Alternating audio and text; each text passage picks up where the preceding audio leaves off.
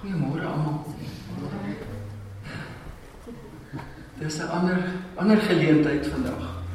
Maar ek is baie bly om julle almal te sien. Ons het al gehoor in die verlede was daar partykeer net 7 mense by hierdie diens op hierdie tyd van die jaar en hierso sommer ek dink amper 3 maal seën. So baie dankie dat julle hier is. Ek dink ons voel almal welkom en ons voel die Here is hier waar ons hier bymekaar is. Mag dit mag dit so wees dat ons saam die die Here se gees ervaar. Ek gaan vir ons lees uit 1 Korintiërs 2. Ek gaan die hele hoofstuk lees. Wat my betref, broers, toe ek na julle toe gekom het om die geheimnisvolle waarheid van God aan julle te verkondig, het ek nie met hoë woorde of groot geleerdheid gekom nie.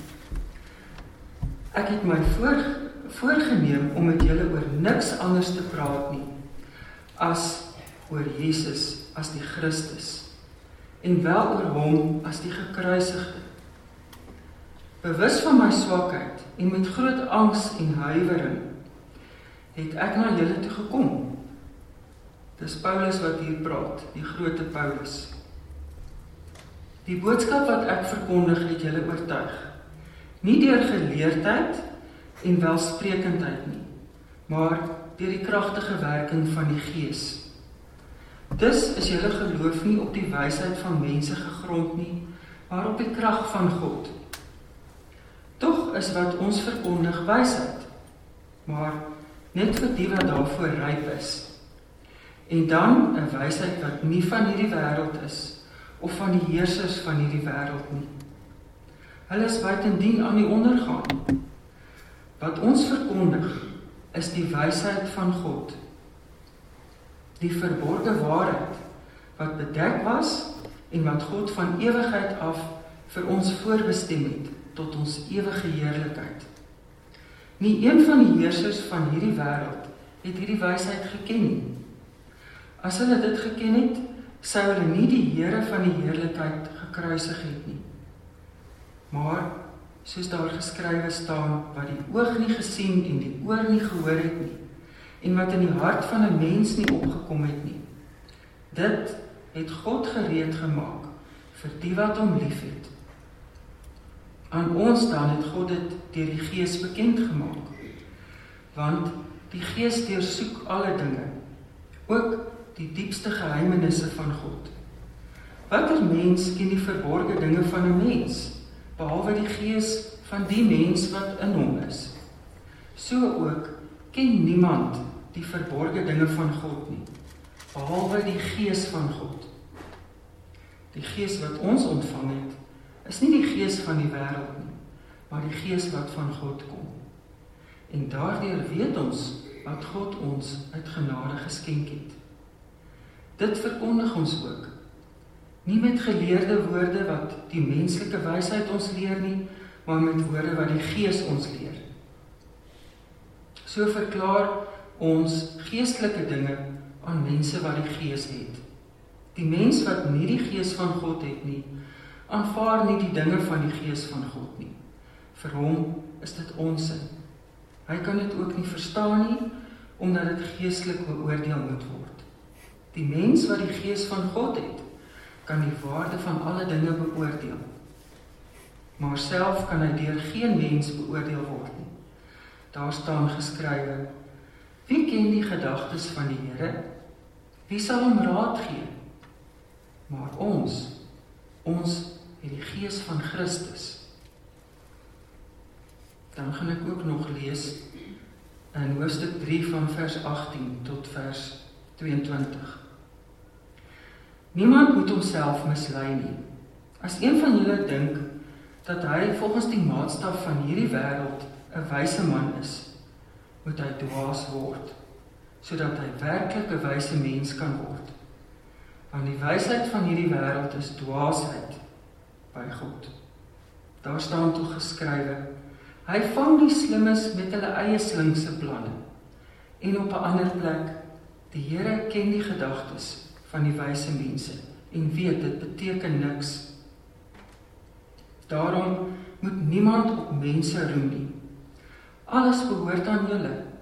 Of dit Paulus of Apollos of Cephas of die wêreld of lewe of dood of hede of toekoms is. Alles behoort aan julle.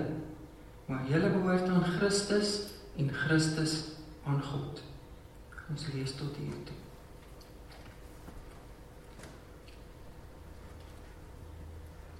So my tema vandag is hierdie verse vers 10 en 11 en 16 wat hier so staan.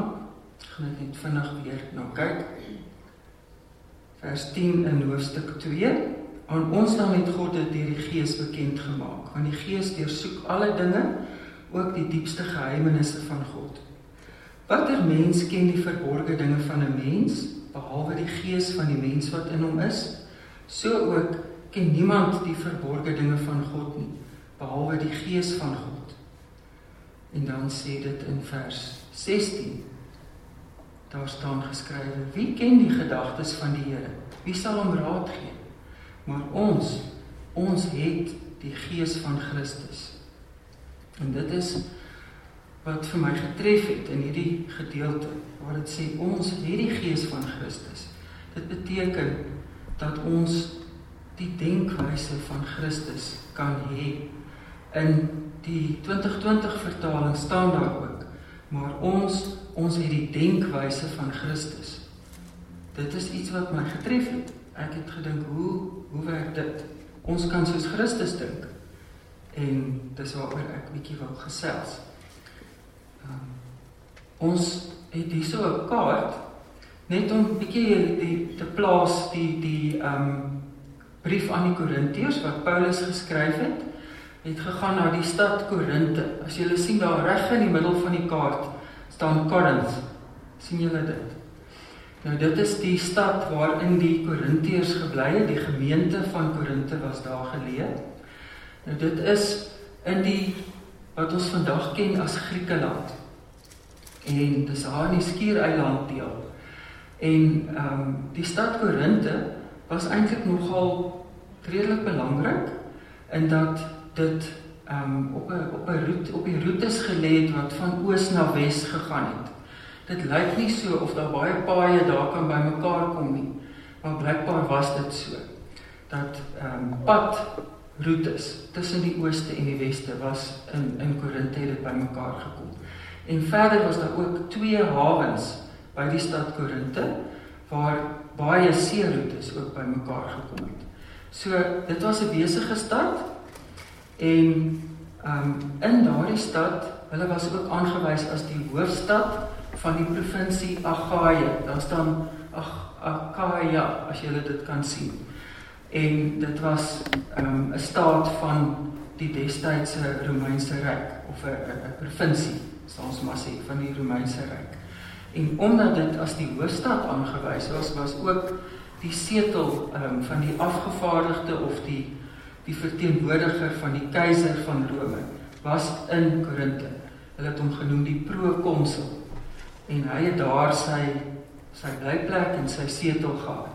So Korinte en die Korintiërs het nogal gedink hulle hulle is 'n oulike plek. Dit is amper iets soos Johannesburg. Ek dink uh, ons in Johannesburg dink hm, ons bly in 'n oulike plek. Ehm um, daar gaan 'n paar goed aan hierso, né? Nee. Ehm um, so uh dit is dit is nou wat ek vir julle vertel. O ja. Ehm um, die die inwoners was ook trots op hulle skerp denkvermoë in hierdie stad. Maar ongelukkig was Korinte veral bekend vir die immorele leefwyse van die meerderheid van die bevolking wat daar gebly het. Ehm um, dit het uit Romeine, Grieke, Oosterse mense en Jode saam uh, uh, bestaan. Dit is daar uit saamgestel, so baie kosmopolities. amper ook soos in Johannesburg. Ek dink mens kan nogal vergelyk. Hier bly ook mense uit alle oorde van die wêreld. Nou in vandag se skrifgedeelte wat ons gelees het, kom ons iets te wete van die benadering wat Paulus gebruik het om die boodskap van verlossing oor te dra. Hy doen dit die verkondiging van die evangelie juis nie met verhewe taal en groot sogenaamde wyshede nie.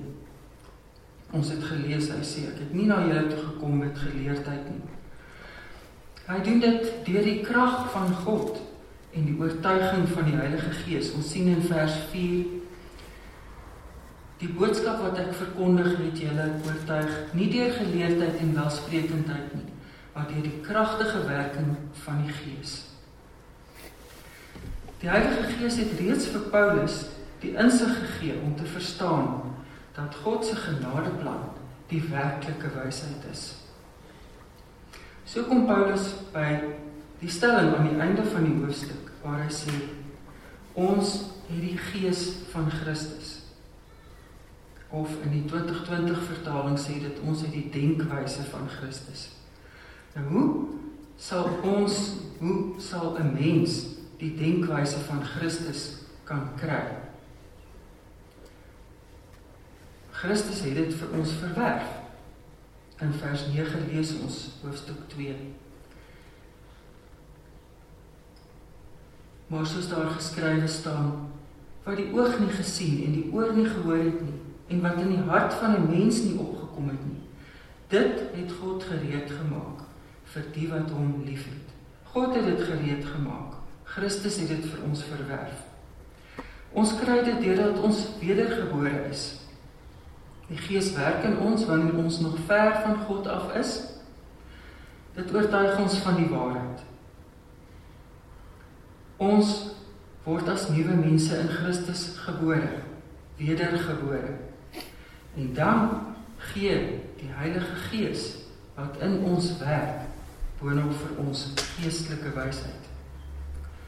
Dit wil sê ons wat glo, het deur ons deel wees van Christus toegang tot die verstand van Christus. Ons lees weer in vers 10 en vers 11.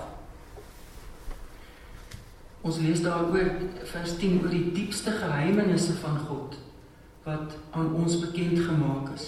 En vers 11 sê: "Watter mens ken die verborgde dinge van 'n mens behalwe die gees van die mens wat in hom is? So ook ken niemand die verborgde dinge van God nie, behalwe die gees van God." Ek hoef nie 'n persoon met menslike geleerdheid te wees nie. Dit sê vers 13. Vers 13 sê Dit verkondig ons ook nie met geleerde woorde wat die menslike wysheid ons leer nie, maar met woorde wat die Gees ons leer. En dit is belangrik dat elkeen van ons net eenvoudig na die Bybel toe gaan, eenvoudig vir die Here vra. Help my om te verstaan wat ek moet weet van U. En dit is dit sal vir ons gegee word. Menslike wysheid staan ook juis in die pad van hierdie waarheid in vers 14 sê dit die mens wat nie die gees van God het nie, nie aanvaar nie die dinge van die gees van God nie. Vir hom is dit onsin. Hy kan dit ook nie verstaan nie omdat dit geestelik beoordeel moet word. Goed. Ek wil ook na hierdie versie kyk. Dit word bietjie weer vir ons ook verder versterk in 2 Petrus 1 vers 3 en 4. Daar staan sy goddelike krag het ons alles geskenk wat ons nodig het om te lewe en om te dien. Dit kom deurdat ons hom ken wat ons geroep het deur sy heerlikheid en mag. Deur dit te doen, het hy ons die kosbaarste en allergrootste gawes geskenk wat hy beloof het. Daardeur kan jy die verderf ontvlug wat deur begeerlikheid in die wêreld werksaam is en deel kry aan die goddelike natuur. Hierdie teks onderstreep ook weer net die gawes wat ons ontvang het sonder dat ons dit verdien. Nou wat doen die gees van Christus of die denkwyse van Christus? Paulus gaan aan om in hoofstuk 3 van Korintië van die brief aan die Korintiërs die gelowiges in Korinte aan te vat oor hulle optrede wat juis wys dat hulle nie met die gees van Christus of dan die denkwyse van Christus besig was nie. Hulle het ondersteunersgroepe gevorm vir menslike mentors. Julle het gehoor dat ons gelees het van Paulus en Apollos en Cephas. Dit was leiers wat na hulle toe gekom het en wat hulle bedien het en mense het gesê ek is vir Paulus, ander het gesê nee, ek ondersteun net Apollos en ander het weer gesê ek ondersteun Cephas. En dan was daar darm ook 'n groep wat gesê het ek is vir Christus. En Paulus sê vir hulle maar hierdie hierdie werk nie so nie. Hulle het met mekaar gestry oor wie se siening gevolg moet word. Die Gees van Christus werk in gelowiges om raak te sien hoe dwaas hulle is as hulle wêreldse wysheid wil toepas. So die Heilige Gees help ons om hierdie Gees van Christus uh te kan uitstraal. Die denkwyse van Christus gee vir ons insig in die waarheid van Christus se genadewerk. As ons kyk na 1 Korintiërs 3 vers 21 tot 23, daar staan: Daarom moet niemand op mense roem nie. Alles behoort aan julle, of dit Paulus of Apollos of Cephas of die wêreld of lewe of dood of hede of toekoms is. Alles behoort aan julle maar julle behoort aan Christus en Christus aan God. En hierdie is die wonderlike. Ons kan ook sê ons behoort aan Christus en Christus aan God as ons gelowiges is. En die gemeente van Korinte is ryk omdat hulle aan Christus behoort. Watter betekenis het dit nou vir ons vandag hierso? Ons het as gemeente in November teruggekyk op 60 jare wat die woord van hierdie plek af bedien is. En ons het deur die jare verskeie predikante en geloofsleiers gehad. Daar's ook nou mense wat voorloop in ons gemeente met bedieninge aan die lidmate hier intern en ook in die gemeenskap daar buite. Elkeen van hulle, van hierdie leiers, van hierdie mense wat in die bediening staan, was en is verteenwoordigers en gestuurdes van God om sy boodskap uit te dra in ons gemeente en wêreld. Ons moet egter nooit op mense of hulle sukses in 'n bediening roem nie. En dit is wat Paulus ook sê. Moet nie op mense roem nie. Dit is belangrik dat ons in Bergbron altyd weer fokus om met Christus se denkwyse na ons gemeente se bediening te kyk. Volgens wêreldse maatstawwe is ons gemeente 'n onbeduidende klein groep mense in 'n stad van miljoene. Ons is nie welvarend as jy na ons bankrekening kyk nie. In kort, ons het nie menslik gesproke seker iets om op te roem nie. Maar in Christus kan ons roem. Hy gee vir ons sy genade in oorvloed. Hy het vir meer as 60 jaar al genade gegee en hy sal dit aanhou doen. Ons het die wonderlike skat van die verlossingsboodskap wat ons kan koester en wat ons moet aanhou uitdeel aan elkeen wat wil luister. Ek wil 'n bietjie met julle deel hoe ek by hierdie boodskap uitgekom het, hoe ek hieroor begin dink het. In 'n tydjie gelede was dit in die nuus dat Albert Einstein sy oorspronklike notas en manuskrip, julle weet nou Albert Einstein was 'n was 'n baie belangrike wetenskaplike. Sy oorspronklike notas en manuskrip oor die relativiteitsteorie wat hy uh, uh, saamgestel het, is opgeveil vir 13 miljoen dollar. Dit is net 'n paar papiere, net 'n boek, 'n boek. En nadat die afslaers vooraf geskat het dat dit tussen 2 en 3 miljoen sou oplewer, het dit nou 13 miljoen dollar opgelewer. Iemand was bereid om dit te betaal. Nog iets anders, net die afgelope week was daar 'n berig dat Elon Musk as die Time Magazine se person of the year 2021 aangewys is.